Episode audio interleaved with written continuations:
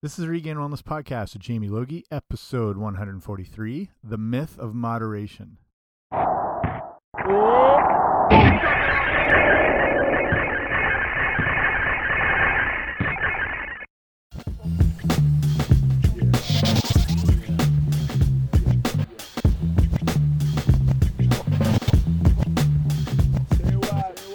Guys, what's happening? Welcome back to the podcast. I'm Jamie Logie. I run RegainedWellness.com, and this is Regained Wellness Podcast with the NBA Jam intro. Hopefully, you remember that if you played it. And this is an episode uh, that's kind of it's something I've just sort of uh, I don't want to say stumbled across, but this whole idea of moderation and if our approach to moderation is actually way off, and it's something I it's like I, have been aware of, and it's something. It's sort of a standard fitness, health, whatever line where people are just like, yeah, everything in moderation is fine, but is it is it really? I, I don't know, and I've had a different approach that you might be interested in, and sort of based on you know stuff I've read and some other much smarter people's interpretations of it that you know you might want to consider. So it's a combination of looking at things from the standpoint of what moderation really is and how do we even know for yourself if you're eating things in moderation using air quotes here. So whether it's you know like whatever snacks or cookies or like whatever type thing that is what you put into the mix for moderation. And i consider myself in this too like i'm speaking to myself as well but whatever like the things that we consider that we're having in moderation we might not actually be doing that. We might you know say with two different people i'm having a certain amount of whatever like five cookies and the other person's having three. You know in, in relation i'm not moderating the food as much as that person. And how do we know what's too much for us or whatever? So it's just it's a lot of it's sort of a different approach to this whole statement and sort of philosophy of everything in moderation. So I'll try and break this down for you as best I can. Okay, here we go. So there's an interesting article that a guy named Jeff Novik, Novick, sorry, um, a registered dietitian wrote oh, like almost 10 years ago. And it, it just sort of popped up because the guy sort of sums up everything in this whole moderation and do kind of that idea of do all foods really fit? And something now that I think, you know, maybe they don't all actually fit, but they can fit when we take the right approach to our diet and when we actually look at what we're consuming and most you know and just as importantly not consuming so when we're looking back here you know whether it's you know like i said like snacks or desserts or wine or whatever. Nothing, you know, the idea is nothing is bad in and of itself as long as we just don't consume too much of it. And that's always been the approach that these things aren't inherently bad. It's just the way we maybe overdo it. But again, like I mentioned just before, how do we define too much? And how do we know if we have surpassed that? So that's the big issue. And, and it kind of goes back like he this guy Jeff makes some interesting points that the idea of everything in moderation goes way back actually eh, to almost ancient Greece. And there is the temple of Apollo at Delphi and there was an inscription there that said meden agan or nothing in excess. And so from this over the millennia and centuries we got the concept of you know, doing something in moderation, which means don't do it excessively. They're, you know, basically, therefore, someone who moderates their food consumption may choose to eat from all the food groups, but will limit intake, like limit their intake of those foods that may cause, you know, negative effects on the body. Um, to, you know, they might eat the amount that are is harmless, but there's just sort of this whole idea of you know balance it out. So how are you and we doing in this area now? So the problem is if you look back then, they didn't have any artificial ingredients or trans fats or high fructose corn syrup or aspartame or artificial sweeteners or anything like that. So when they talk about, you know, still enjoying those things that they consider, um, you know, basically treats or something that they would want to, you know, have in moderation. They didn't have any of the junk or crap we have today. So, uh, the stuff they would have consuming, even even their idea of of bad food would be what we'd consider probably superfoods today. Um, just there was no chemicals. There was no, there was nothing that could overly uh, cause them harm. Whereas now we're obviously bombarded with, you know, fake foods like facsimile foods. They have the appearance of food, they have the taste of food, but they're really not foods from any you know packaged, manufactured, process based, whatever to straight up junk food to everything like that. We know the overwhelming amount of these detrimental um, additives and compounds that are causing our problems. So it's interesting to look from way back then, and they had this idea of moderation when they were eating essentially, you know, clean as a whistle. We, the big things that we know that are causing uh, harm to your diet and that are widely reported. We're very well of the excess consumption of obviously added sugars, refined grains and flours, too much sodium, fat, you know, too much of the bad types of fat. And again, like I mentioned, like the trans fats and the hydrogenated oils and all that stuff. So, going off some stats from a few years ago, and you know, more more than likely, these things always elevate. They never tend to stay the same. At the moment, well, as of a few years ago, the average person is, when it comes to added sugars, is eating 242 percent over the recommended upper limit. And if you actually look at some of these recommended under upper limits, they're probably way too high to start with. You know, they are old kind of food pyramids and food pyramids and food guides had, you know, really been based on a lot of bad science and sometimes having the interest of large food groups more than they do your health. So those i mean these are starting to change now and like I, I live in canada and they're starting to have a different approach to what should be recommended and what you know like the, the food pyramid idea has been turned around a bit. And so there's progress happening in that and i think that's a good thing. But for for decades what has been recommended we're probably already at the you know higher limits of what they should be anyway. But then we're going way overboard with it too. So like i said added sugars 242% over the recommended upper limit refined grains 200% over the recommended upper limit. Sodium 229% over.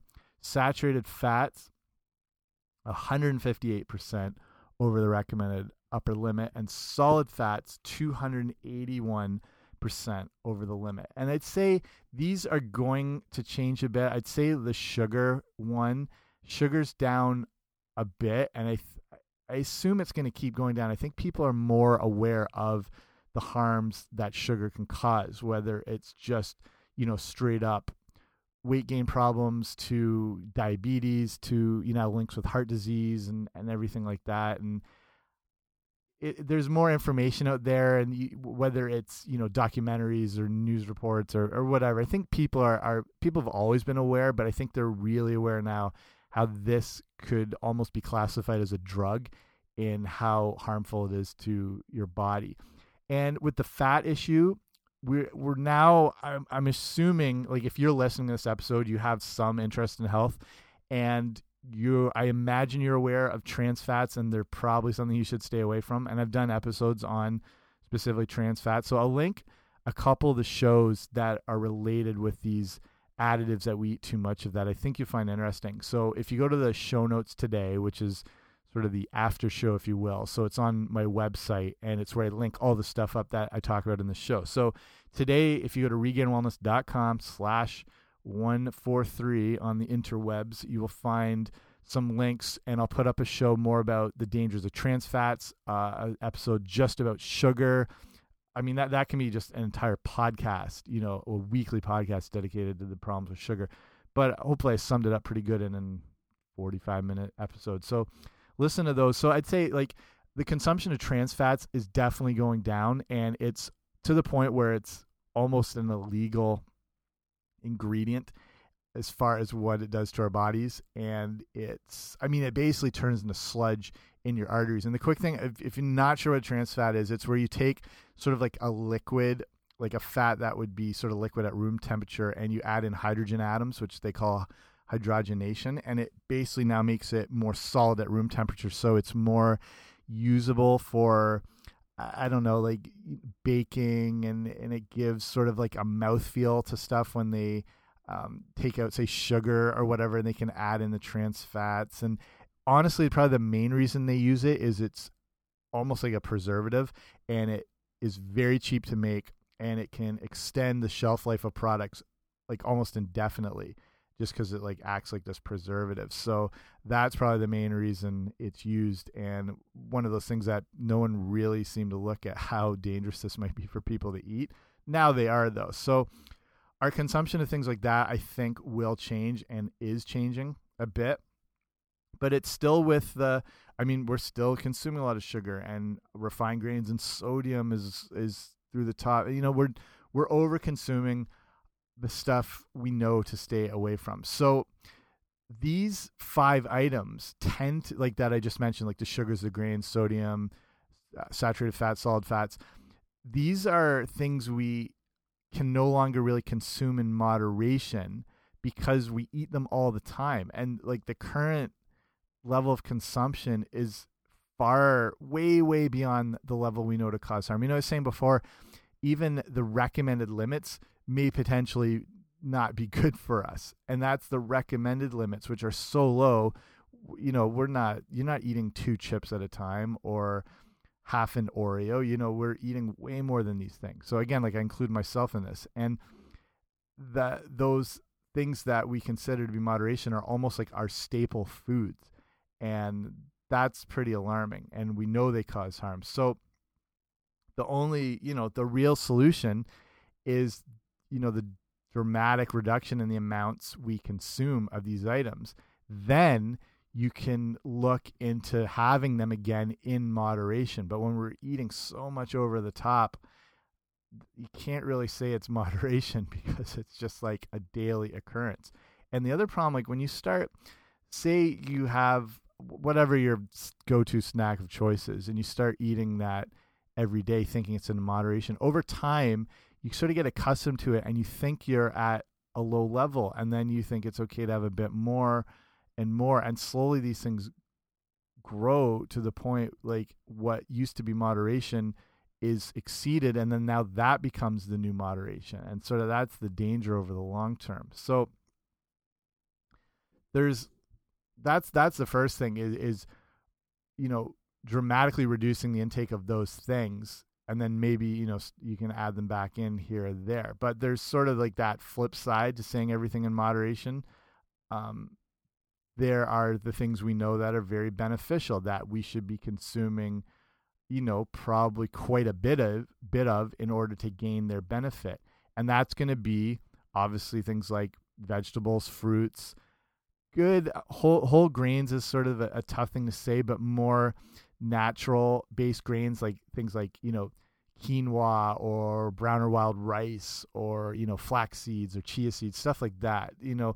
There's a, there's a problem with things like I don't know like breads and whatever getting sort of lumped into the whole grains thing when that's really not correct. When you look at something like a bread and it could be uh, you know seven grain whole bread which it sounds like it might be all right but it's still you're not actually eating grains. You're eating refined ground pulverized flour that is super um, absorbable in your body. It's like a fast acting carb. Um, same thing with like pasta and stuff like that. It might be made from whole wheat, but it's again you're eating flour. So not very many people are actually eating whole grains unless you're you know eating oats and um, like the flax seeds and the chia seeds and stuff like that, hemp seeds and whatever, and real grains. And then fiber is probably one of the biggest things that people are missing out on. The average person may be getting three to five grams a day when you're wanting from men upwards of 35 plus, women 25 ish around there.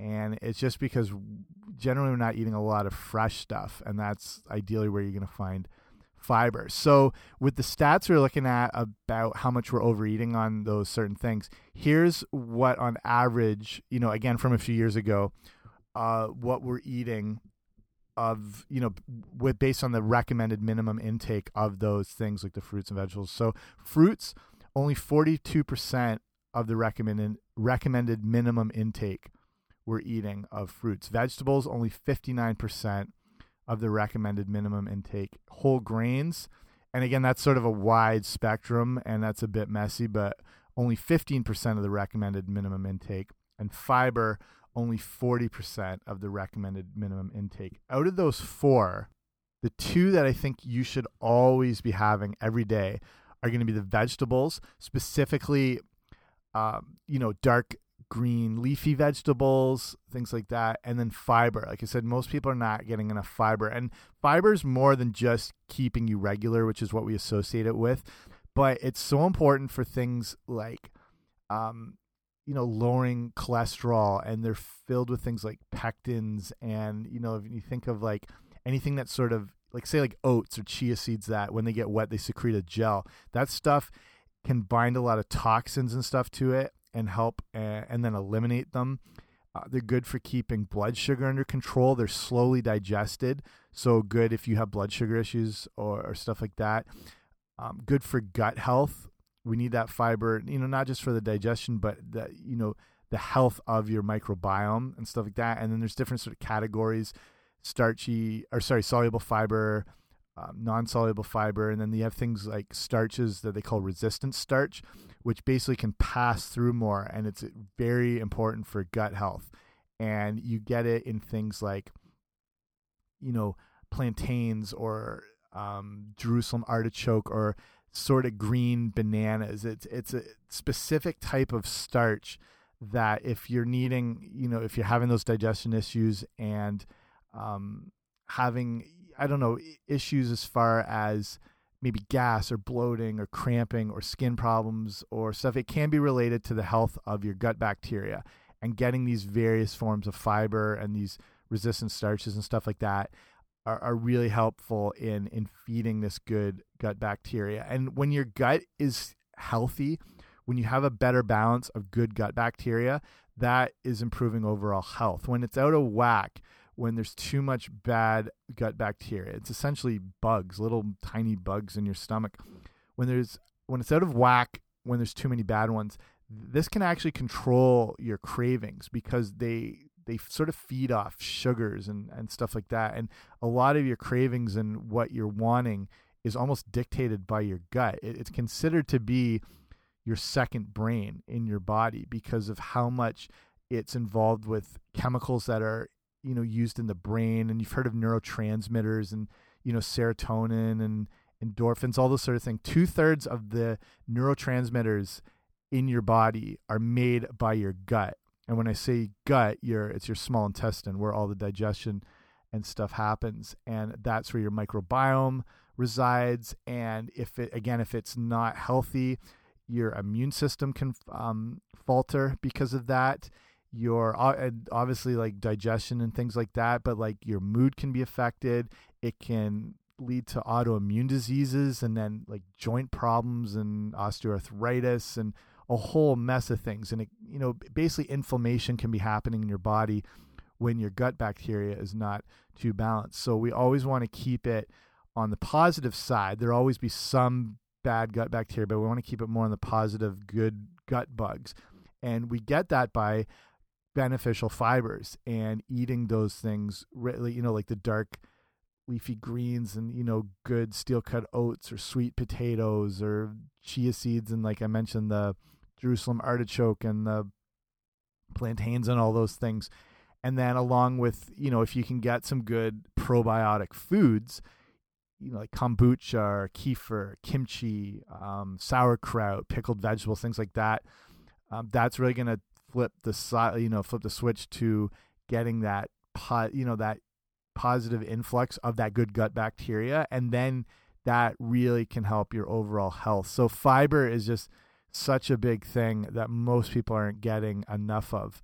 Um, and sorry, that's a little side rant on fiber, but those big uh, those big four, the vegetables and the fiber, we really need to focus on. Um, so these things now, when we're talking about moderation, these are actually the things we're eating in moderation. You know, we, have gone the other way around. We've made the the refined stuff and the crap the staples of our diet, and we're eating. Oh, like you'll have a small salad once a week, and that's like your moderation thing when it should be the reverse situation. And we can basically no longer consume them in moderation is the current level that we're taking in is so far below what we need to be healthy. So it's a simple solution. It's, you know, have a dramatic increase in the amounts of the these things to consume them with the fruits and vegetables, some of those good, you know, grains, the fiber. Then, um, then maybe you can, you know, when you start having those other things in moderation, they're not going to hit you as bad. And what a lot of people find when you actually when you go back to healthy eating and you know real whole foods when you go back to something like junk or whatever you, you might find yourself not even liking it anymore. It's uh, artificial food. You can sort of reset your taste buds when you start eating fresh again. And when you go back to something that's not made with real ingredients a lot of times you just don't desire it anymore because you've understood what real flavor is and what real nutrition is and you don't get those in some packaged crap.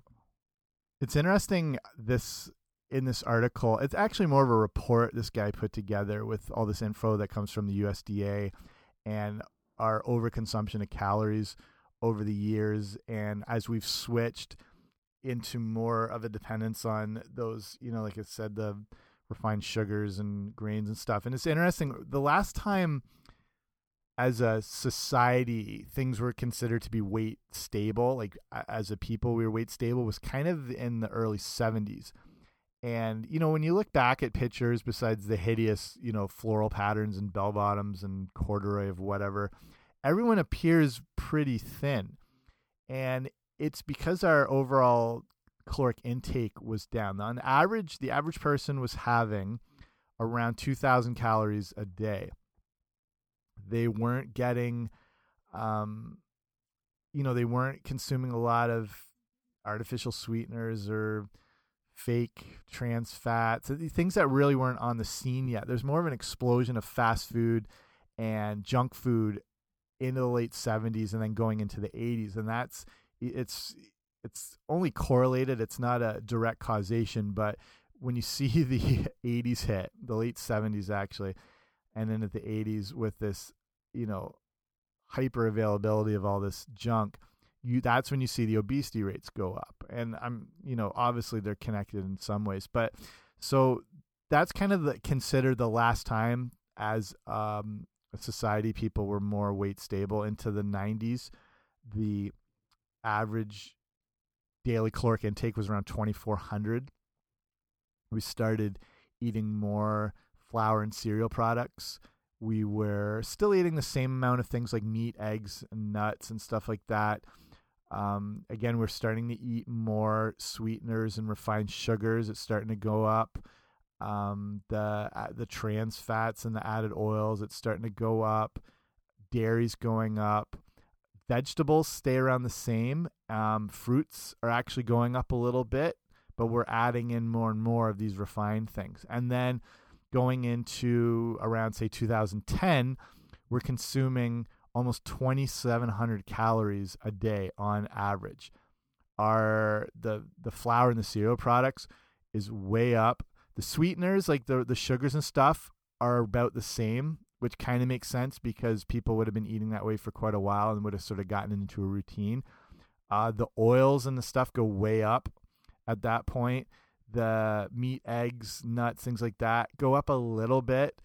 Um, vegetables start to go down. Fruits stay about the same. Dairy stays about the same going into that. So I think in the next 10 years, I mean, depending on how the information is shared and people's, you know, you know, taking responsibility responsibility of their health, this could potentially change a little bit or it could keep getting worse and the you know the fresh stuff will the fruits will start going down more um, you know they sort of plateaued and stayed stable for a little bit the um, you know hopefully the oils and the fats will go down the added sweeteners and the sugars will go down, so will the refined things. But obviously, they're going up from 1970 to 2010.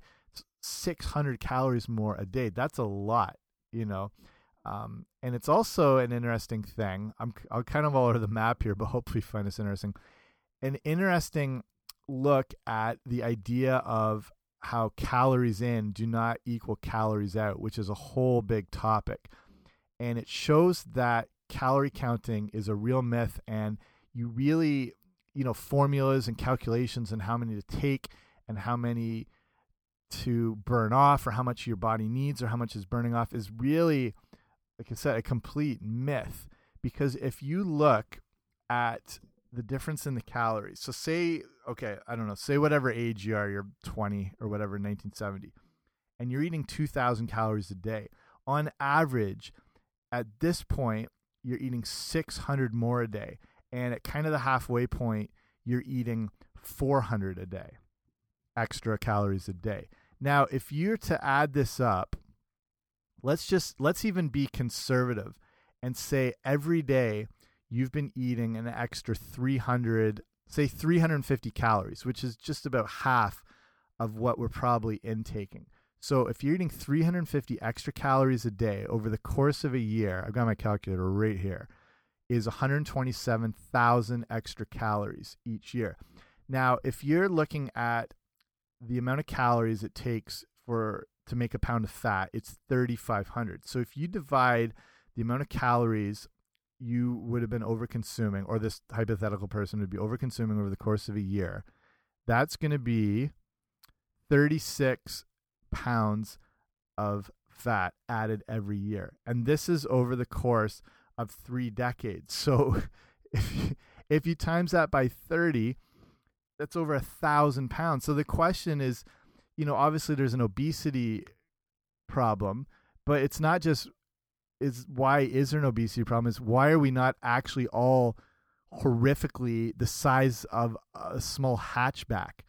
Um, and it's it, this is one of those examples of why that calories in does not equal calories out. And I really recommend not being a slave to counting calories and ring stuff like that. Your body even though you know obviously weight gain is inevitable and stuff like that your body is able to manage quite a lot. It doesn't mean this is good for it but just that whole idea of the calorie math that your body's not a calculator. It's a biological organism and it will adjust and it will adapt. There, there will be conditions that come with it but it's um, just anyone who's just trying to shove that idea of calories down your throat. I'll, I'll link up an episode. Probably the best guy to talk about this is a guy named Jonathan Bailor, and he has a book called The Calorie Myth, and I had him on my show a while back.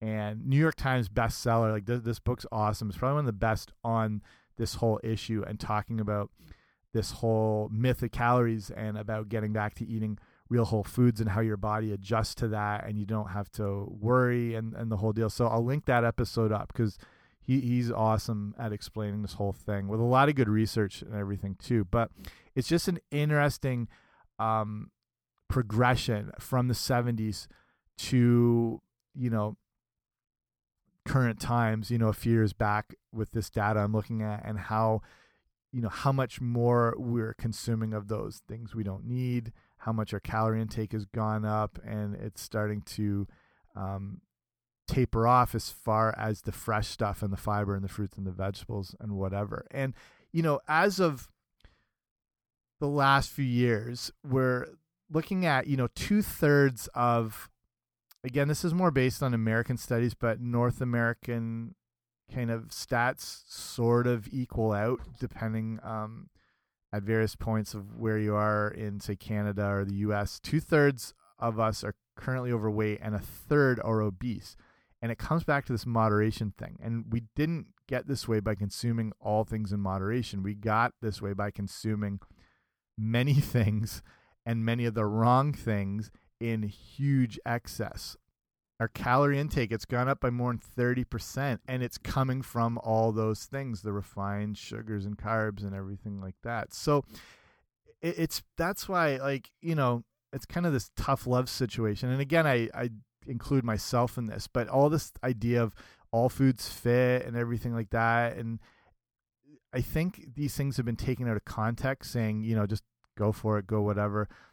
It's you know the original sayings were not like all foods fit, but all foods can fit into a healthy diet if big if consumed in moderation with appropriate portion size and combined with regular physical activities. Like this is assuming that the cornerstone of your diet is real fresh whole foods and you're eating as clean as possible.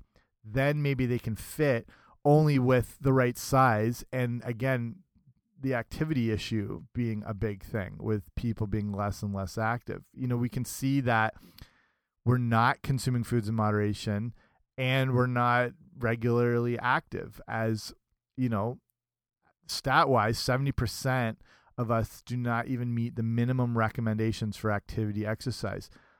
Um, it, it's why the current concept of everything in moderation for the average person is a complete myth. It just doesn't work. We're, you know, ideally you're getting at least 20 minutes of exercise, you know, five days a week. The sweet spot if you're new to exercise and want to get fit and healthy and everything, is around 150 minutes a week. And that can be broken up a few different ways. It can be, you know, you can do an hour and then do that over a couple times, or you can do every day for 20 minutes or 25 or 30 minutes. Some somehow over the course of the week, you want to hit that 150 um, minute mark by at least three days of exercise a week. Ideally, you're doing something every day, whether it's even just going for a walk or whatever. So, when I'm talking about moderation today, it's our approach to moderation is just completely off because we're not doing those things that are sort of the bedrock of health, the eating the real foods, um, exercising regularly, and stuff like that. So our moderation is sort of caught up with us. Um, we're just so far from what constitutes being healthy that there's you know there's a lot of work to do to get back where we could once again discuss moderation, but it's just got to be um, the avoidance of these things that have just caused such detriment and rationalizing the overconsumption of harmful foods or the minimal consumption of beneficial foods with a saying that does not apply to the situation a lot of people find themselves in is really not helping anyone. So that's that's the problem I got when I when I see people sprouting off. Yeah, everything in moderation. Don't worry. Go. I don't know if they've been looking at the whole big picture and helping people understand that no, you might have to do a reset here before you allow these things to sort of be a continued staple in your diet that are causing, you know, the issues of getting to that point where you're like, okay, um, I've been eating this way for 20 years now there's some problems. You know, it, it, there's no, you know, they they always say the best time to start getting healthy was yesterday, and then if that's not an option, it's today's the next best option. So you can always get on top of it, and it starts with you know at least double your intake of fruits, vegetables, the fiber. Start to get to those minimum recommendations. Um, in addition to that, try to cut or drastically reduce the amount of sugars you have. Whether the, one of the big tips is just stop drinking any form of calories because that's usually the way we take in a ton of sugar and it's very easy to do it. So, cutting out soft drinks, juices, milk, sports drinks, whatever, stuff like that. Cutting back on the sodium. At least get these things like, at least you, you don't have to like, I know how tough it is just to cut something off like cold turkey at least cut them in half. You know, have them and sort of transition away from them. Um, the more the more you think about the moderation and continuing to do what you're doing, it's not going to help accomplish this. It's you know backing off on those things. The, the secret is start adding in fresh, real stuff, and eventually it pushes that crap to the side, and then there's no more room for it. And like I, I mentioned earlier, when you sort of reset and refresh your taste buds by adding in more of this stuff, you know, naturally it's pushing those things to the side. And when you do have them again, they just, they're not what you remember. And then you stop really craving them and you start to want that real fresh, better version of those things. So whether it's, you know, making your own desserts at home and using the freshest ingredients or replacing flours with, you know, almond flour or coconut flour, stuff like that, and using like dark chocolate instead of some sugary whatever, um, using cinnamon and you know stuff like that. It just natural versions of these things that you can easily make or find or buy, and then develop the taste for that. And then you know when you do have those things, you might find yourself not wanting them, and that's ideal because now your real craving is for these real whole, genuine foods. So. I don't know, sort of an interesting topic. I think so. Just sort of shifting our way of thinking, getting more of an understanding of our current situ situation and the solutions to make it better, and how the idea of everything in moderation maybe not the most helpful advice. And that's just kind of what I wanted to look at in this episode. Hopefully, you found this interesting. if not, or if you've already tuned out, no problem. I understand. Um, I've got these other episodes, though. Definitely check them out that go more into depth. So go to regainedwellness.com slash 143. Check out the sugar thing, more about trans fats, and listen to the Jonathan Bailor interview about the calorie myth. And that, that to me, that's one of the most interesting things in, in nutrition. So thank you for listening. Uh, I know there's a lot of episodes out there that cover all different sort of health topics. So thank you for taking the time to listen to this one. If you really like it, make sure to subscribe wherever you get podcasts. I should be there, like the Jackson Five. And if you really like it, leave a rating and review, and then more people can, you know, get the chance to listen to it too. So that's it for me. Thanks for listening. See you later.